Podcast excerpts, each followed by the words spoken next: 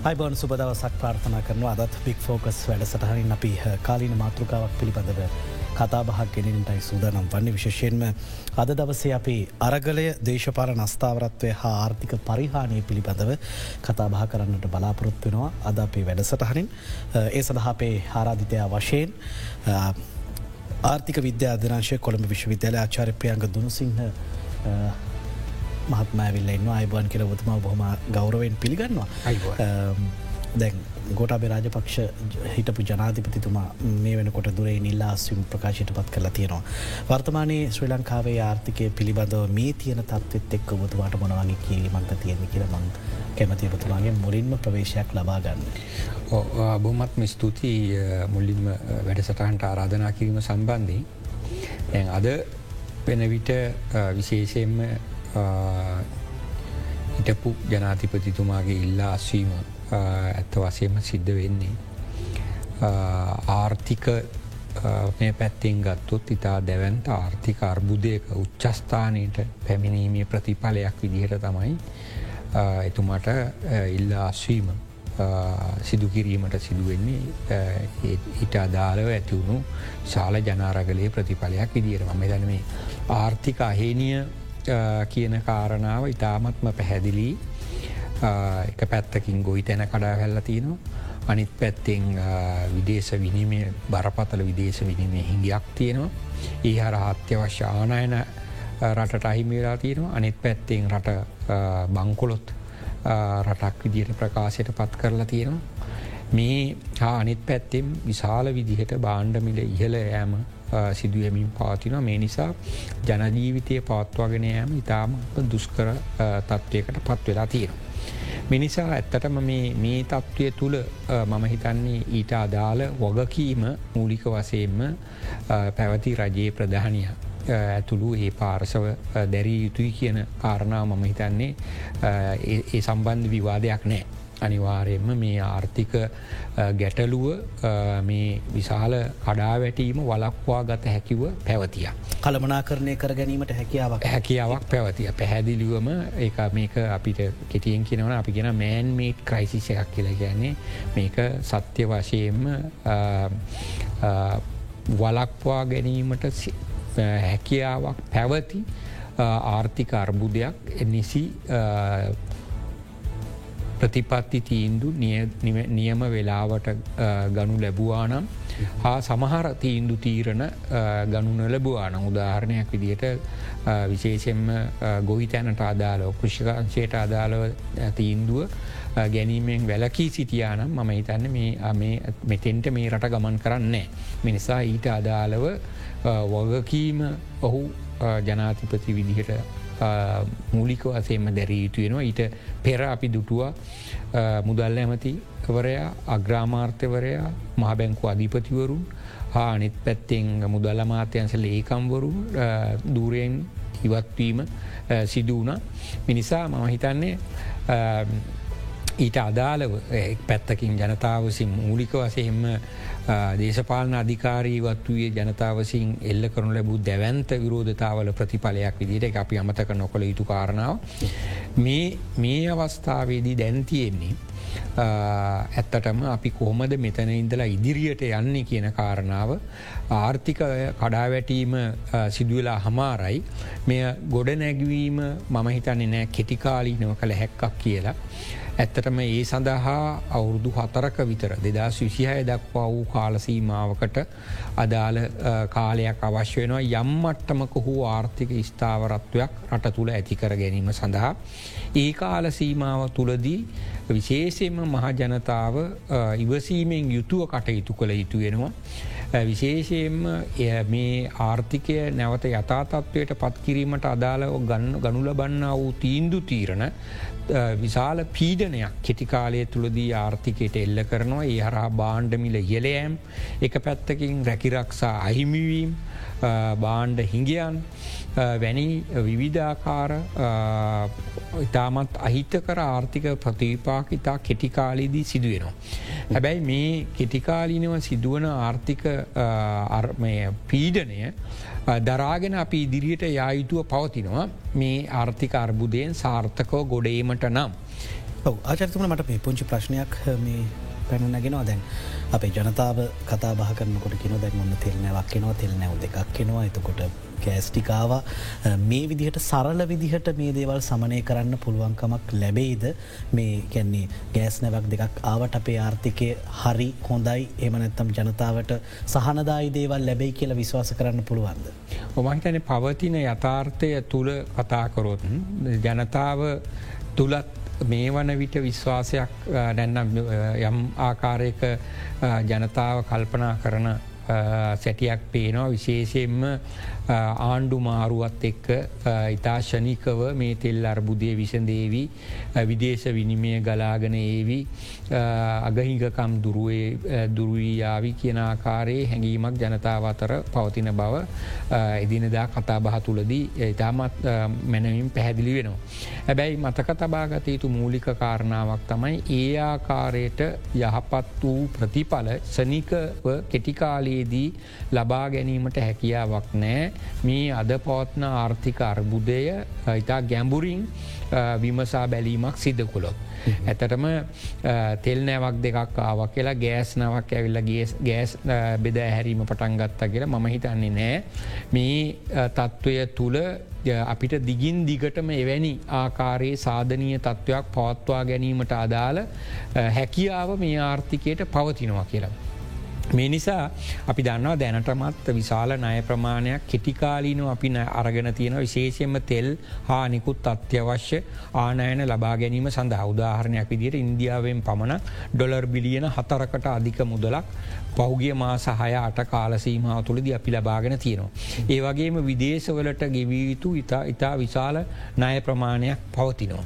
මේතිය මේ සියලුම දේවල් සැලකිල්ලට ගත්තහම අපිට බලාපොරොත්තු වෙන්ඩ බෑ ෂනිකව මේ තියෙන ඩොලර් හිංගිය ඉවත්වේ යාවී කියලා හා මේ තියෙන තෙල් සමහර දෙනෙක් තෙල් ලැබෙනව පමණක් නෙමේ තෙල්මිල අඩුවේවි කියලා අපි එක්සා කරන ම හිතන්නේ මහජනතාව මේ තත්ත්වය තේරුම් ගැනීම ඉතාමත් වැදගත්වෙන හා විශේෂයෙන්ම දේශපාලන නායකත්වය මේ යථාර්ථය ජනතාවට නිවැරදි ආකාරයට ඒත්තු ගැනීම ඉතාමත් වැදගත්වෙන. අපි ගැන්නේ දැන් බලයට එන්ඩ ඉස්සරලා විපක්ෂය අපි අවුත් මේක මාසාහයෙන් විසඳනවා අපි අවුත් මේක මේ තෙල් තෙල් පෝලින්නෑ ගෑස් පෝලින්නෑ ද අපි දැක්කන විපක්ෂයේ භූමිකාව බැලුවොත් ගෑස් පෝලිං වල මෙච්චර මැරෙනවා තෙල් පෝලිං වල මෙච්චර මැරෙනවා. මේ මහා සපු ගහතනයක් මේ රටට කරන්නේ.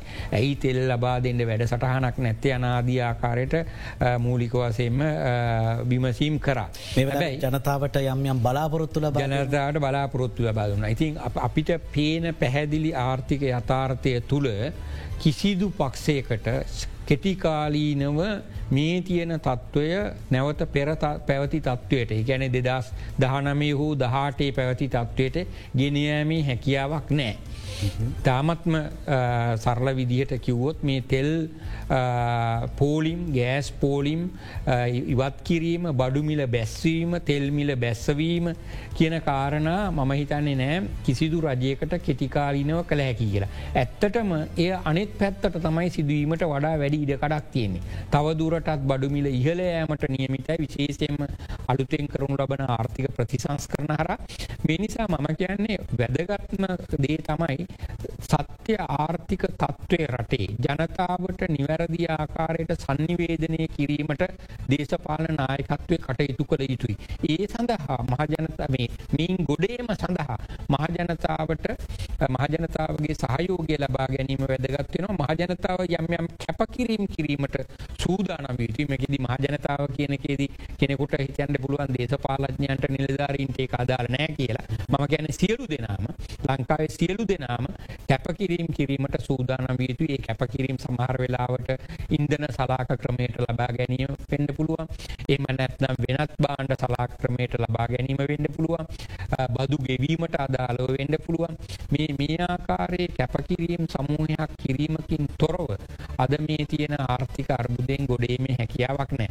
පල්ලවෙනිම දේ තමයි අපි ගැන සරලෝම කියනවන ජනතාවට ආර්ථික ගැටලුව නිවැරදි ආකාරයට සන්නිවේදනය කිරීමට සියලුම දේශපාන පක්ෂ වග බලාගණ්ඩුවන මම හිතන්න මේ සර්වපාක්ෂික ආණ්ඩුවක් තැනීම හරහා උත්සාහ කරනු ලබන්නෙත් ඒ සියලූම ජන කණ්ඩායම්වල සහයෝගය මේ ආර්ථිකයෙන් ගොඩේමට අදාලෝ ගනු ලබන ක්‍රියාමාර්ග සඳහා අවශ්‍ය සහයෝගය ලබාගණ්ඩ. එනිසා වචනා වචනය පරිසමාප්ත අර්ථයෙන්ම සර්වපාක්ෂික රජයක් බිහිවේවි කිය අපි විශ්වාස කරනවා එවැනි රජයකට මම හිතන්නේ හැකියාවක් තියෙනවා. අවම වසයෙන් අවුරුදු පහක් අටක් විතර කාල සීමාවකින් පසුව හෝ යම් ආකාරක ආර්ථී ස්ථාවරත්වයක් රට තුළ ගොඩන ගන්න. වාචරිතුමනි ඒත්තකම මේ කතා බහට ලක්වෙනවා දැන් ජාතන්තර මුල්ල අරමුදල පිළිබඳව අපිට නයක් ලබාගැනීමට පුළුවන්. දැන් මේ මුල් පෙළේ සාකච්ඡා සිදුවෙලා තියෙන්නේ මේ ඇතිවුණ තත්වය නිසා තමයි ඒක ටිකක් එහාට ගිය කියලා. ඒක නබතුමාගේ අදහස මොකක්ද? ජාත්‍යන්තර මූල අරමුදලින් විශාලනය මුදලක් අපට ලැබෙන් නෑම දන්න තරමින්. ඉතාම සුළු මුදලක් තමයි ලැබෙන්නේ. මේක කොහොමද කමනා කරණය කර ගැනීමට සිද්ධ කරන්න ඕනේ. ඕ මම තැන ජාත්‍යන්තර මූල්‍ය අරමුදල තමයි පළමුුවෙන්ම මතක තබාගත යුතු දෙයක් ජනතාව තේරුම් ගතතු දෙයක් තමයි ජාත්‍යන්තර මූල්‍ය අරමුදල තමයි සාමාන්‍යයෙන් ලෝකයේ රටවල් විශේෂයෙන්ම ගියවුම් සේෂයට අදාලෝ විශේෂයෙන්ම විදේශ අපි කියන ආනයන අපනයන වලට අදාළව ඇතිවන ගැටලු වලදී. විදේශ විනීමය හිඟයට ඉංගියන්වලට මුහුණ පෑ අවස්ථාවලදී රජයන් වලට රටවල් වලට උදව්පකාර කිරීම සඳහා ජාත්‍යන්තරව සකසාගත්ත ආයතනය. එතොට ජාත්‍යන්තර මූල්‍ය අරමුදල එක්තරා ආකාරයකට කටයුතු කරනවා මූල්‍ය ශේස්ත්‍රී ලෝකයේ මූල්‍ය ශේස්ත්‍රයේ ප්‍රධානය විදියට අපි කෙටියම කිව්ව. එතකොට මේ මොයේ මූල්‍ය මූල්‍ය අපි කියන පද්ධතිය ලෝක මූල්‍ය පද්ධතිය ස්ථාවරෝ පවත්වා ගැනෑමට අදාළව ජාත්‍යන්තර මූල්‍ය අරමුදලේ කාර්යභාරය ඉතා විශාලයි. මේ ජාත්‍යන්තර මූල්‍ය අරමුදලේ විශේෂයෙන් මේ එකඟතාවය මත යම් ආධාර වැඩ සටහනකට එළැබීම අරොබ තුමා නිවැරදිව කිව්වා වගේ අපි බලාපොරොත්තු වෙනේ නෑ විශාල නයක්.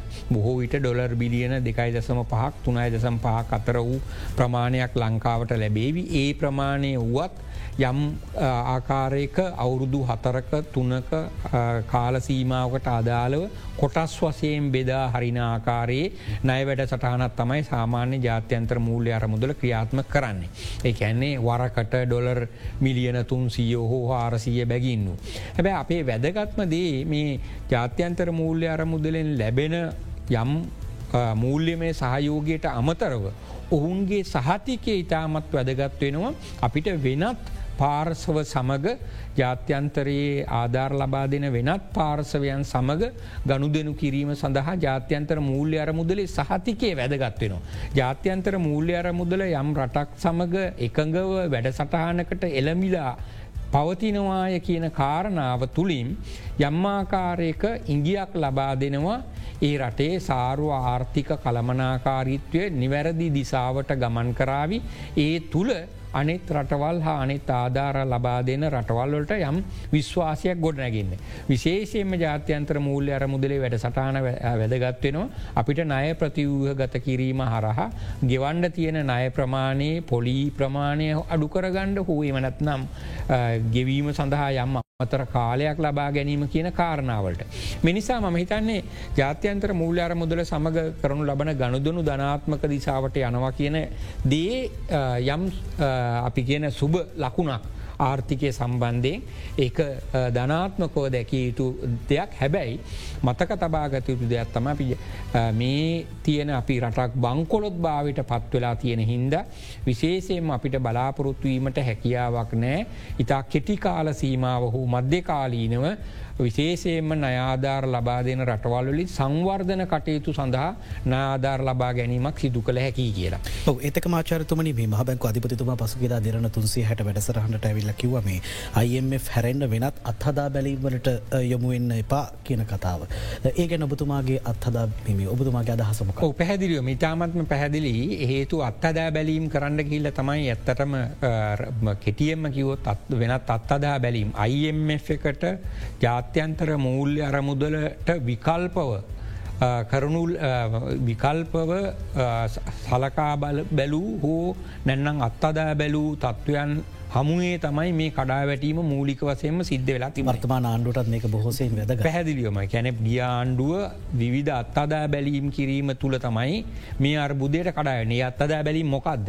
ඒ අත්තදා බැලීම තමයි රජය හිතුවා විශේෂයෙන්ම තමන්ගේ මිත්‍ර රටවල් එක්ක එකඟ යම්යම් ආකාරයේ අපි කියන අර ස්වප් ඇග්‍රීමන් නැන්නම් මූල්‍ය යම්මාකාරයක අප ගැන අතමාරු ක්‍රමයට ක්ෂණිකව කෙටිකාලීනව ඇතිවෙන අපි ගෙන ද්‍රවසීලතා පහසුකන් ලබා ගැනීම හරහ නැන්නම් යම් මුදලක් ලබා ගැනීම හරහා කෙටිකාලීනව මේ ප්‍රශ්නය විසඳගෙන කොරෝණ වසංගතයෙන් පසුව ක්‍රමාණුකූලුව අපිට හැකියාව ලැබේවි කියලා නැවත වරක් යම් ආකාරයකට මේ ආර්ථිකය ගොඩ්නගාවන්ඩ.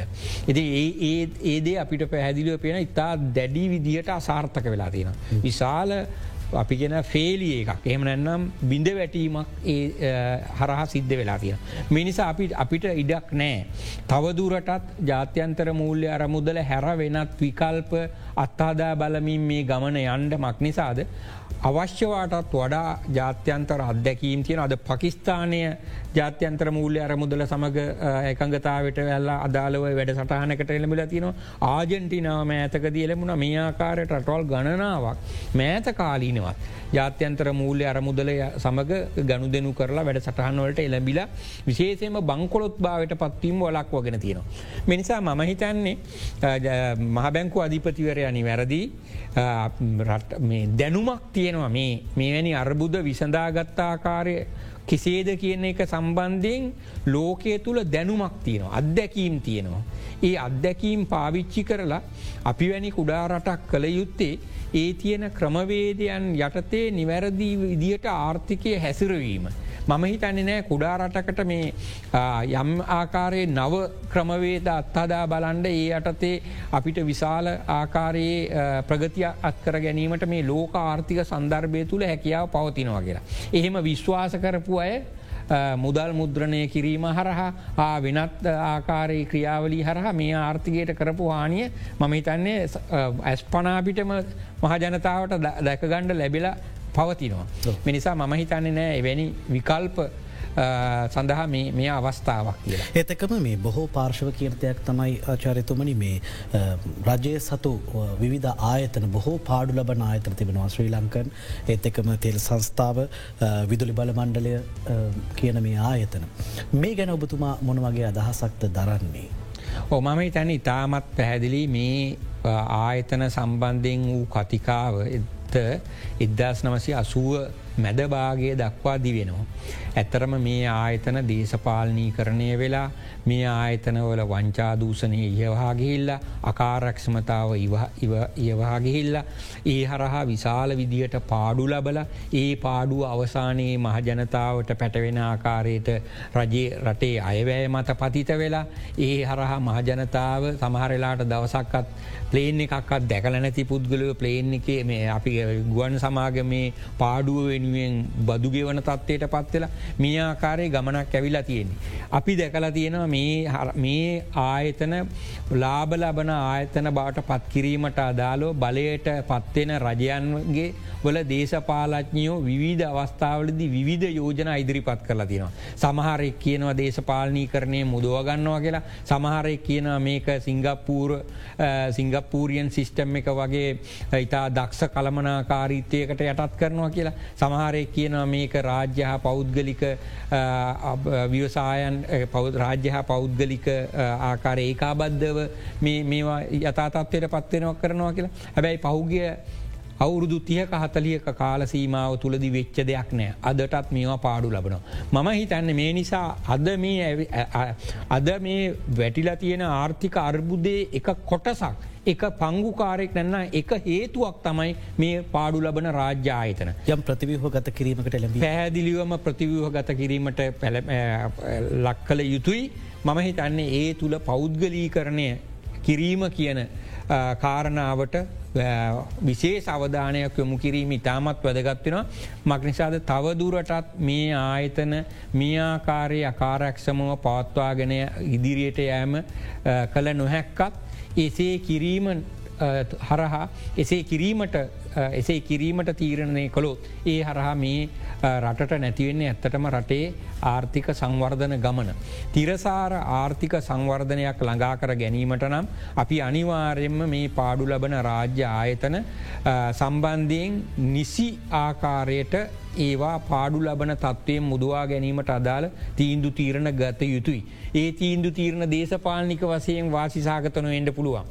පෞද්ගලී කරණය කරනවා කිව්වාහම බොහෝ විට මේ තුළ මේක විදේශය කරණයට ලක් කරනවා මේක බෞධාතික සමාගම්වලට දෙනවා නැන්නම් මේ අල්ලංකාවේ ආර්ථික මර්මස්ථාන ඉන්දියාවට දෙනවා කීනයට දෙනවා වෙන රටකට දෙනවා ආකාරයට විවිධාකාර වූ දේශපාලන දෘෂ්ටිකෝණයන්ගේ මේවා විග්‍රහ කරන්න පුළුවන්. හැබැ මම හිතන්නේ මහජනතාව විදිහට මේ අවස්ථාවදී තේරුම් ගත යුතු දෙයක් තියෙනවා.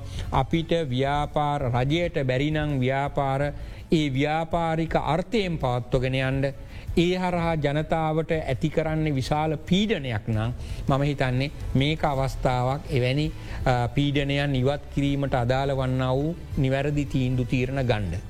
එතක මාචරතමනි ඔබතුමා ඔය පුට ඉඳගෙන මුකපු කතාවක් තමයි මේ ශ්‍රී ලංකාවට ලැබුණු සංවර්ධන ව්‍යාපෘති පිළිබඳව විශෂයෙන්ම සැහැල්ල දුම්රිය ව්‍යාපෘතිය පිළිබඳව. දැන් අලු ජනාධිපති කෙනෙක් පත්වීමට නියමිතයි ඒත් එක්කම අගමැතිවරයෙක් පත්වීමට නියමිතයි. මේ අයට නැවතත් මේ වගේ අපිත් එක්ක තරහවෙච්ච රටවල් එක්ක තිබුණු සංවර්ධන ව්‍යාපෘති නැවත සක්‍රිය කරගන්නට අවස්ථාව ලැබනුත් ඒ හරහත් අපිට යම් ශක්තියක් ලැබයි නේද මේ ආර්ථිකයට. පැහැදිලියෝ මම හිතන්නේ පහුගිය රජය කරපු බරපතලම ආකාරයේ වරදක් තමයි විශේෂයෙන්ම පැවති සංවර්ධන වැඩසටහන් සංවර්ධන ව්‍යාපෘතිය රාශියක් නවතා දැමීම සමහර සංවර්ධන ව්‍යාපෘති ඇත්තටම සමහර වැඩසටහන් දියත් කරලා පැවතිය. ඒ වැඩසටහන් නවතා දැමීම තුළ සැලකීතු ප්‍රමාණයකට රැකිය අයිමි කර සැලකීතු ආකාරයේ මූල්‍ය ප්‍රවාහයක් රට තුළට එන එක වැලක්වුණ අනෙත් පැත්තිෙන් ඇත්තටම සාම්ප්‍රදායිකව අපිට නය දෙන රටවල් සමූහයක් අපි තරහා කරගත්තා. MCC එක වෙන්ඩ පුළුවන් ලයිට්‍රේන් එක කැලනිවැලි දුම්රිය මාර්ගය කැලනිගගේ ගංවතුර පාලනයනාදී මේ විශාල සංවර්ධන යෝජනා ක්‍රම සමූහයක් ඇත්තටම අත්ත නෝමතික විදිහට අත්හිටෙව්වා. මම හිතන්නේ නෑ අලුතෙන් රජයක් බලයට පත් වනා කියලා මේ සංවර්ධන ව්‍යාපෘති කෙටිකාලීනව ආරම්භ කිරීමේ හැකියාවක් පවතීවි කියලා. මක් නිසාද අපි දැන් අපි රට බංකොලොත් වෙලා තියෙන්නේ.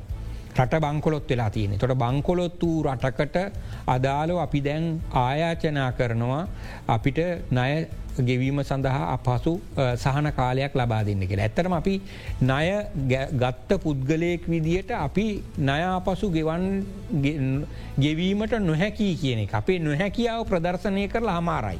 ඉතින් තවදුරටත් මම හිතන්නේ නෑ. අපි යම්මාකාරක ආර්ථික තිරසාරී භාවක් ගොඩනගන තෙක්. යම්මා අකාරයකට ආර්ථිකය නිවැරදි දිසාවකට අරගෙන යම් මට්ටමක ආර්ථික සංවර්ධනයක් සමඟ අපි ඉදිරියට යනතෙක් අපේ නය ආධාර ලබාදුම් රටවල් ඉදිරිපත්වේවි කියලා සංවර්ධන ව්‍යාපෘති සඳහා නයාධාර ලබා දෙන්න. මොකද අපිට දැන් මේ තියෙන අපි ගොඩනගල තියෙන යටිතල පහසුකංවල ත්‍රෝජන ගණඩ බෑන. උදාහරණයක දිට හයිවේක යන්න කොච්චරද වාහනද හයිවේකේ වාහනයන්ට වාහනවලට තෙල්නෑ හරි අද අද ගොඩනගලා තියෙන බොහොමයක් අපි කියන මේ ජටතැල පහසුකම්. හා අනිකුත් සංවර්ධන යටිතැල පහසුකම් භාවිතා කිරීමට නොහැකි වෙලා තියන ඉති අපි තවදුරටත් මොනවද යටිතල පහසුකම් ගොඩනැගීමේ අවශ්‍යතාවයක් පවතින. මිනිසා මම හිතන්නේ අවම වසයෙන් අපිට ආධාර ලබා ගණ්ඩ අවුරුදු හතක් අටක්වත් මෙතැන් සිට බලායින්ට සිදුවේවි. සමහර ව්‍යාපෘති දියත් කරන්න. ම හිතන්නේ නෑ. අපිට නයදීල තියෙන ආධාර නයාධාර ලබාදීල තියෙන රටවල්. ෂනිකව නැවතවරක් නය ලබාදේවී කියලා. උදාහරණයක් විදිට අපි දන්නවා බැංකුව කනං අර ක්‍රිබ් එකට වැහන්නොත්. ක්‍රිබ් එකට වැන්නොත් අඩුගානේ අවුරුදු දෙකක්ත් ඉන්ඩෝනෑ ක්‍රිබ් එකින් එලියට ඇවිල්ලා නැවතවරක් ලෝන් එකක් අපි ලබා ගණඩරම ගැන මේ සරල උදාහරණයකින් මං කියන්න උත්සා කරන ඒ ආකාරයට අපි දැන් ඇත්තරම ජාත්‍යන්තරිකව ක්‍රිබ් එකට වෙල්ලා ඉන්නේ. නය නය බංකොලොත් භාවකට පත්වෙලා තියෙන. එතෝට දැන් දැන් අරගන තියෙන නය ගෙවාගණ්ඩත් බැරින බැරි රටකට අලුතෙන් අයදෙන් ඉදිරිපත් වෙන්නේ නෑන. එනිසා මම හිතන්නේ ලංකාවට අවමවාසයෙන් අවුරුදු හතාටක් වත් උත්සාහ කරන්න සිදුවේවී රටේ තියෙන මූල්‍ය ශක්තියෙන් යුතුව රටේ සංවර්ධන කටයුතු ඉදිරියට කරගෙන යන්ඩ එවැනි තත්ත්වයක් තුළදි මම හිතන්නේ ලංකාවට විශාල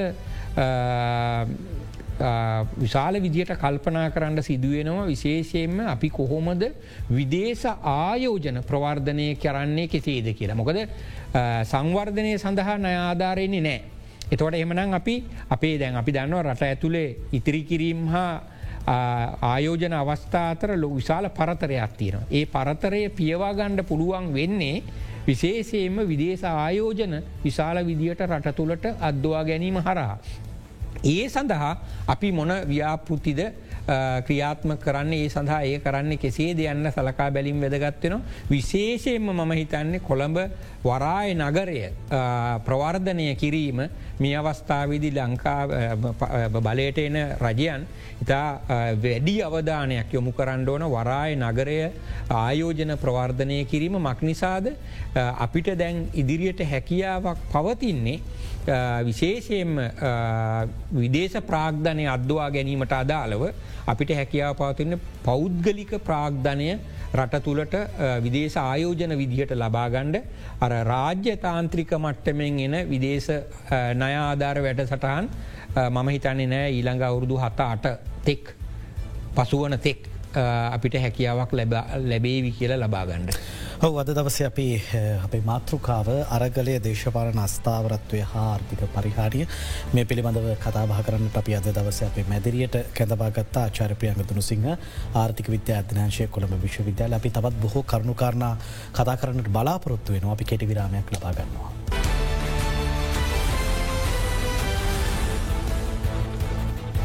අද බික් ෆෝගස්තුරින් අපි කතා බහ කරන අරගලය දේශපාලන අස්ථාවර භාවය හා ආර්ථික පරිහානය පිළිබඳව.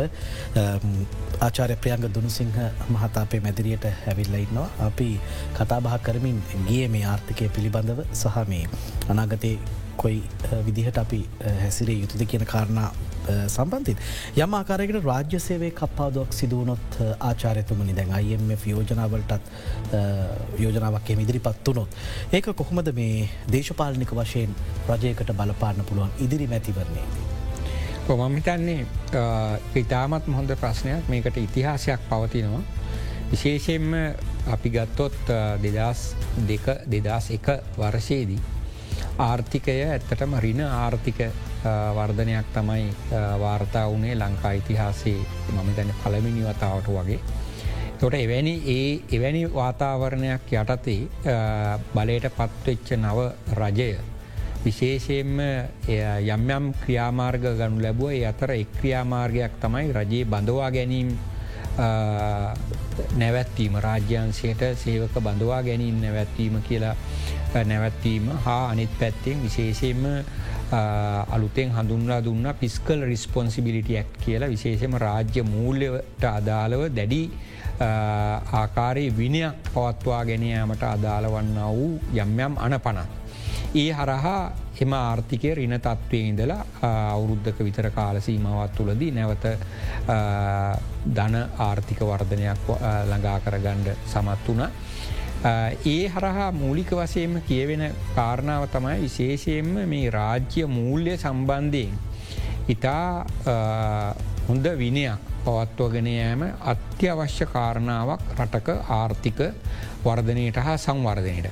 නමුත් අපි ඊට පසු කාලසීමාව තුළද දැක්කේ දෙදස් පහෙන් පසු කාලසීමාව තුළ දැක්කේ සෑම රජයන් යටතේම එක්තරා මට්ටමකට රාජ්‍යන්සයට විශාල බඳවා ගැනීම් අපි කියන්නේ සේවක බඳවා ගැනීම ඉතා බරපතලාආකාරයට වර්ධනය වීමක් තමයි පැවති විශේෂයෙන්ම රැකයා විරහිත උපාධිධාරීන්ගේ ඉල්ලීම් මුල් කරගෙන හා වෙනත් දේශපාලන වුවමානාවන් පදනම් කරගෙන විශාල විදියට රාජ්‍යන්සේ පුළුල් කිරීමක් සිද්ධ වෙනවා දෙදස් පහවසරයෙන් පසු කාලේතුව. මේ නිසා විශාල ආකාරයට දැම් මේ වන විට රාජ්‍ය අන්සය තුළ විශාල සේවක අතිරික්තියක් තියෙනවා. මම හිතන්න ඒ සේවක අතිරික්තියක් නෑ කියන කාරණාව ඒ සේවක අතිරික්තයක් පවතිනවා කියන කාරණාව මම හිතන්නේ නෑ කාටවත් ප්‍රතික්ෂේප කළ හැකි තත්ත්වයක් කිය. මිනිසා එක්තරා මට්ටමකට ඒ හරහා විශාල පීඩනයක් රාජ්‍ය අයවැය තුළ පතිතවීම හා ඒ හරහා අපි වැටුප් විදියට විශ්‍රාම් වැටුප් විදියට රජයේ සේවකයන්ගේ වැටුප් විදිහට හා අනිකුත් දීමනා විදියට විශාල මුදලක් රජයේ අයවැයින් වෙන් කරන වෙන් කළ යුතු තත්ත්වයකට පත්වෙලා තියෙන මේ නිසා මම හිතන්නේ විශේෂයෙන්ම අපිට දැන් රාජ්‍ය අයවැයින්ගේ පියවීමට අදාළ එක පැත්තකින් බදු වැඩි කරන ගමන් අනිත් පැත්තෙන් වියදම් කළමනා කරණය කිරීමේ දිසාවට ගමන් කළ යුතු වෙනවා.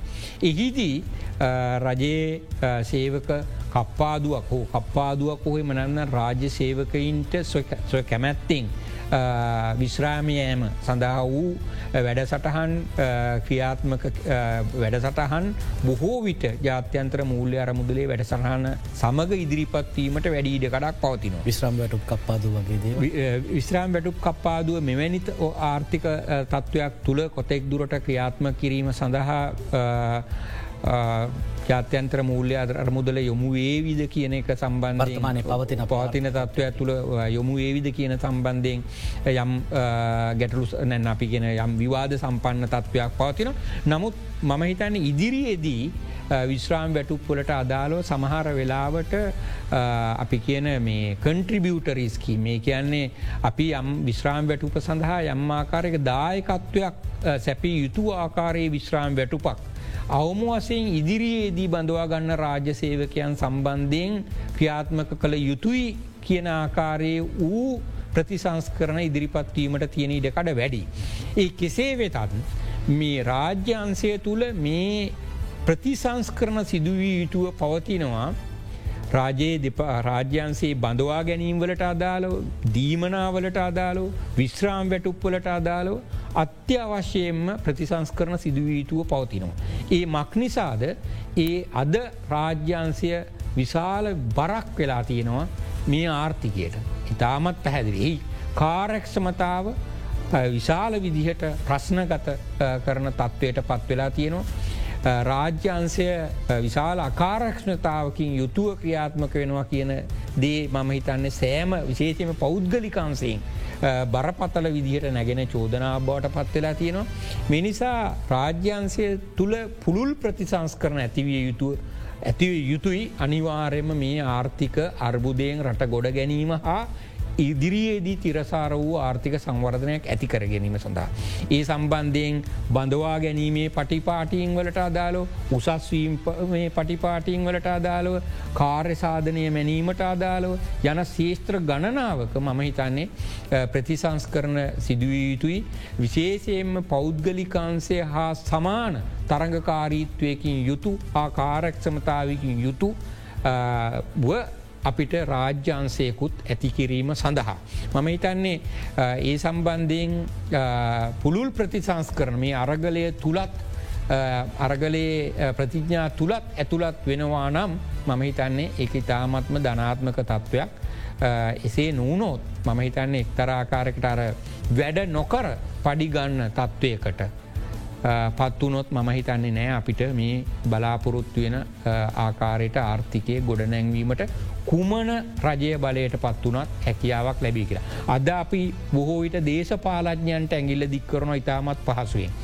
මේ අර දේශපාලනායකය මේ දේශපාලනායකය මේ සම්බන්ධයෙන් වගකීම ගතයුතුගේ හැබැපි ඉතාමත් අඩුවෙන් තමයි මේ ආර්ථික කඩා වැටීමට නිලධාරී මට්ටමි නැන්න රාජ්‍යන්සේ තුළ ඒ සම්බන්ධයෙන් දැරිය යුතු වගකීම. ඇත්තරම දරනවාද දරලා තිබෙනවාද කියන ප්‍රශ්න ගත කිරීම සිදු කරන්න ඉතාමත් අවමේ. ආචරතමන බුතුමා මේ අරගල ගැන සඳහන් කරප නිසා අරගලකරුවන්ගේ ප්‍රධාන ඉල්ලිමුණේ ගෝටගෝ හෝ දැන් ගොටාබේ රාජපක්ෂ හිටපු ජනාධිපතිතුමා බවට පත්වෙලා තියෙනවා. ඔන්ගේ මෝලි කරමණ ඉෂ්ට වෙලා. මෙතන එහාට තවදුරටත් ගෝල් ෆේස් අරගල භූමිය තිබිය යුතුද හෙමත් නැත්තම් පවත්වාගනයා යුතුද රටේ ආර්ථිකයට කොහොම දෙක බලපාන්නේ. ඕ මම හිතන්නේ ඇත්තරම දැන් අපි ගෝටගෝ හෝම් කියන සංකල්පයට අරගලකරුවන්ගේ භූමිකාව ලගු කරත් නැන අපි ගෙනේ සංකල්පය වටා ගොනු වුණත්. ඇත්තරම ඔහුන් ඉල්ලන සමාජ ආර්ථික දේශපාලනික ප්‍රතිසංස් කරන ගණනාවක් පවතිනවා. ඒ ආර්ථික දේශපාලනික ප්‍රතිසංස්කරනවල මූලික සුරූපයක් තමයි විශේෂයෙන්ම සමාජය තුළ යොඩා සියලු දෙනාටම සභාගී විය හැකි ආකාරයේ දේශපාලනික හා ආර්ථික ප්‍රතිසංස් කරන නැන්නම් ආයතන ව්‍යූහයන් රට තුළ නිර්මාණය කළ යුතුයි කියන හඬ. මෙන්න මේ හඬට අදාළව තවමත් ඒ ඒ එය ඒ හඬ නියමාකාරයට ක්‍රියාවට නැංවීමට නම් අත්‍යවශ්‍යයෙන්ම පාර්ලිමේන්තුව තුළ විවිධ අනපනත් සම්මතවීම හරහා ඒ ප්‍රතිසංස්කරණයන් ක්‍රියාවට නැංවී යුතුත්ති පවතිනවා. ඉතින් මම හිතන්නේ එහි වගකීම මූලික වසයෙන්ම අලුතෙම් බලයට පත්වෙන රජය කෙටිකාලයට වුවත් අවම වසයෙන් ඒ ඉල්ලීම් සම්බන්ධයෙන් වූ ප්‍රතිසංස් කරන වැඩ සටහන් මංහිතන ක්‍රියාත්මක කිරීමට අදාළ පියවරයන් ගත යුතුව පවතිනවා. ඒ හරහා අපිට මේ අරගලය තවදුරටත් අපි කියන මේ උද්ගෝසන රැලි අනෙත් පැත්තෙන් විවිධ ආකාරයට සාමාන්‍ය ජනජීවිතයට බාධා වෙන ආකාරයෙන් තොරව පවත්වාගෙනය මතවාදී තලයට ගේන්ද. අපි මතවාදී තලය තුළ ඒ සම්බන්ධයෙන් වූ අරගලයක් මතවාදී අරගලයක් පාත්වගෙනන නමුත් විශාල උද්ගෝෂණ පාරදිගේ යන පාරද අවහිර කරන ආකාරය අනෙකුත් යම් සාමාන්‍ය ජනජීවිතයට බාධා පැමිණෙන ආකාරයේ පෙන් තොරව පවත්වාගෙනයම සඳහා කටයුතු කිරීම ඉතාමත් වැදගත්වෙනවා. ඒ මක්නිසාද මේ ආර්ථිකර්බුදයෙන් ගොඩේම සඳහා අපි අත්‍යවශ්‍යයෙන්ම සංචාරක කර්මාන්තය ප්‍රවර්ධනය කරන්න ඕන. අත්‍යවශ්‍යයෙන්ම අපි මේ අපනයන අන්සයන් ශක්තිමත් ආකාරයට පවත්වාගෙනයන්ට ඕන ආර්ථිකයේ කටයුතු කාරැක්ෂම තරගකාරීව පවත්වාගෙනයා යුතු වෙනවා. මේ ක්‍රියාවන් වලට බාධා වෙන ආකාරයේ. එදිනෙදා ජනජීවිතය බිඳ වැටෙන ආකාරයට අපි මේ අරගල තත්ත්වයන් පවත්වාගෙන ගියොත් අපිට සිද්ධ වෙන්නේ මේ ආර්ථිකර්බුදයෙන් තව තවත් පහලට වැටීම පමණයි. ලෝකේ තියෙන අත්දැකීම් තියෙනවා. මේ ආකාරයට රජයන් බලහුවමාරුවෙන් පසුව තවදුරටත් රටවල් අරාජික වීමට අදාළව ඇතිවෙන තත්ත්වයන් ඇති වූ රටවල් පවතින ම හිතන් අපි රටවල් වලින් පාඩම් ඉගෙන ගත යුතුයි. මෑතකාලයේදී අරාබි වසන්තය සමග බල ඉතෙක් පාලන බලය අත්කරගත් දේශපාලඥයෙන් පලවා හැරීමෙන් පසු ඇති වූ තත්ත්වයන් තුළ ඒ රටවල් අත්දකින්ට ලැබුණු තත්ත්වය කුමක් දෙයන්න පිළිබඳ වටහා ගත යුතුයෙනවා. මිනිසා අපි තරුණයෝ බොහෝ විට ඉතාමත් සීග්‍රග්‍රාමී විදිහට ප්‍රතිසංස් කරන හා අනෙකුත් වෙනස්කම් බලාපොරොත්තු වෙන වෙන්ඩ පුළුවන්. හැබැයි මේ දේවල් කිරීම සඳහා යම් කාලයක් ගත වෙනවා ඒ කාල සීමාව තුළ අපි ඉවසීමෙන් වැඩ කිරීම ඉතාමත් වැදගත් වෙනවා මේ වැටිලා තියෙන ආර්ථික ප්‍රපාතයෙන් තවදුරටත් පහලට වැටීම වලක්වා ගත යුතු වෙනවා ඒ සඳහා මම හිතන්නේ සියලූම පාරසවයින් වගකීමෙන් කටයුතු කිරීම හා ඉවසීමෙන් කටයුතු කිරීම වැදගත්වෙනවා. එවැන්නි ආකාරයේ ඉවසීමක් වගකීමක් තොරව අපි හැසිරුණොත් එහි අනිවාර්ය ප්‍රතිඵලය වෙන්නේ අපි තවත් සෝමාලියාවක් දියාවට හයිටියක් දිසාවට සූඩානයක් සූඩානයක් දිසාවට ගමන් කිරීම වෙන්ඩ පුළුවන්. අපි හද දවසේ අරගලය එත් එක්කම ශ්‍රී ලංකාවේ වර්තමාන ආර්ථික තත්වය පිළිබඳව දේශපාල නස්ථාවර භාවය හරහා කොහොමදේ ආර්ථිකට බලපාන්න කියන කාරණා සම්බන්ධයෙන් තමයි කතාබා කරේ. අපි කෙට විරාමයක් ලබාගන්න විරාමයෙන් අනතුරුව තවත් ඉදිරියට මේ පාත්‍රකාව පිළිබඳව කතාබා කරන්නට බලාපොරොත්තු වෙනවා. අද අපි බික් ෆෝකස් වලින් කතා බහ කරන අරගලය දේශපාලන අස්ථාවරත්වය හා ආර්ථික පරිහානය පිළිබඳව. කොළඹ විශ්වවිද්‍යාල ආර්ථික විද්‍යාධනංශ ආචාර ප්‍රියංග දුනුසිංහ මහතා අපේ මැතිරියට පැමිණිල තිබෙන අපි කතාබහ කරමින් හිටිය මේ මාතෘකාව පිළිබඳව. එත් එක්කම මේ තවත් ප්‍රශ්නයක් ඔබතුමාට යොමු කරන්නට මේ කැමති අපේ විදෙස් නයි විශාල ප්‍රමාණයක් ආචාරයතුමනි ජාත්‍යන්තර ස්වෛරී බැඳුම් කරවල තිබෙන්නේ. තුර මේ නයි ප්‍රතිවීහ ගත කරනය තමයි සාමාන්‍යින් තියෙන ලොකුම ගැටලුවක් වෙලා තියෙනෙ සහ සමහරය මේ පිළිබඳව නීතිමය පියවර ගන්නත් කටයුතු දමින් පවතිර මේක මේ ජාත්‍යන්ත්‍ර මූල අරමුදලට යනකට කොයි තරම් බාධාවක්ද සහ මේ වර්තමාන පත්වෙන රජය කොච්චර කාරයක්ෂමම කටයුතු කළ යුතුද මේ සම්බන්ධය. ඔමමිතන්නේ දැනටමත් නය ප්‍රතිවූහ පලවෙනි කාරණාව තමයි නය ප්‍රතිවූහ ගත කිරීම කියන කාරණාව ඉතාමත්ම සංකීර්ණ ක්‍රියාවලියක්. එය කාලයක් ගතවෙන ක්‍රියාවලියක්. ඒ සඳහා අපි ජාත්‍යන්තර අත්දැකීම් දිහැ බැලුවොත් සමහර රටවල්වලට අවුරුදු තුන හතර ආකාරයට ඉතා දීර්ඝ කාලයක් තිීල තියෙනවා පලවෙනි නය ප්‍රතිවූ ගත කිරීම වැඩසටහන ක්‍රියාත්ම කරන්න. ඊට පසේ එවැනි ආකාරය නය ප්‍රතිවූ ගත කිරීම සමහරලට කීපයක් කරන්න සිද්ධෙන්ඩත් ඉඩ තියෙනවා.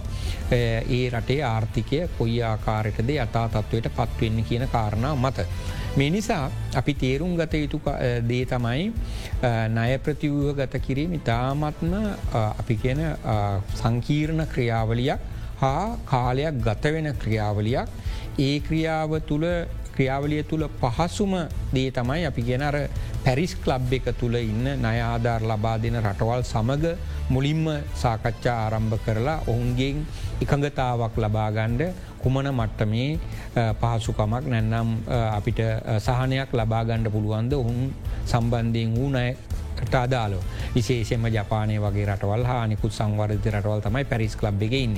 එතොට ඊට පස්සේ අපිට එන්න තින් නොන් පැරිස් ලබ් වලට අදාල රටවල් සමගේ එකැන චීන ඉන්දිය වගේ ආධාර ලබාදිල තින් රටවල් අවසානයේදමයි සයිරී බැඳුම් කර මිලදී අරගෙන ඉන්න නයකරුවන් සමඟ ඒ ඔවුන්ට අදාළ නයට අදාලව අපිට කුමනාකාරයේ සහනයක් ලබා ගණ්ඩ පුළුවන්ද නයගෙවීමේදී කියන කාරණාව අදාළ සාකච්ඡා ආරම්භ කරන්න වෙන්නේ. එකන අපි කරන්න හුගාක්ම ත්‍යාගසීලී කට්ටියගෙන් නය ප්‍රතිවහ ගරත කරණය පටන් අරගෙන අර සාපේක්ෂුව ත්‍යාගසීලී නොවෙන කට්ටියට ඇත්තටම කියලා අපිට මේ ආකාරය සහනයක් අරකට්ටිය ලබා දුන්න ඒක පෙන්නලා මේ කට්ටියනුත් අපි යම් සහනයක් ලබා ගැනීම.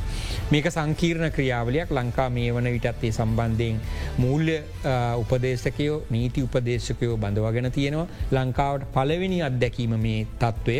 සමහර අප්‍රිකාවන් රටවල් සමහර ලටින් ඇමරිකාන් රටවල් කීපවතාවක් මේට අදාළව යොමුවීම හරහා ඔවුන් යම්මට්ටමක ප්‍රාගුණ්‍යයක් මේ සම්බන්ධයෙන් ලබාගෙන තියෙනවා කුමනාකාරයට කුමනාකාරයේ මූලෝපායික පියවරයන්ද ඒ සම්බන්ධයෙන් ගත යුත්තේ කියන එක සම්බන්ධය. ඇත්තරම දැනට ණය හිමියන් විශේෂයෙන්ම සෛරී බැඳුම් කර හරහ නය ලබාදේලා තියෙන ණයකරුවන්. ලංකාවට විරුද්ධව අධිකරන ක්‍රියාමාර්ග අරගෙන තියෙන ඒ ඇත්තට මේ අධිකරන ක්‍රියාමාර්ග එක්තර ආකාරයකට මූලෝපායික හැසිරීම.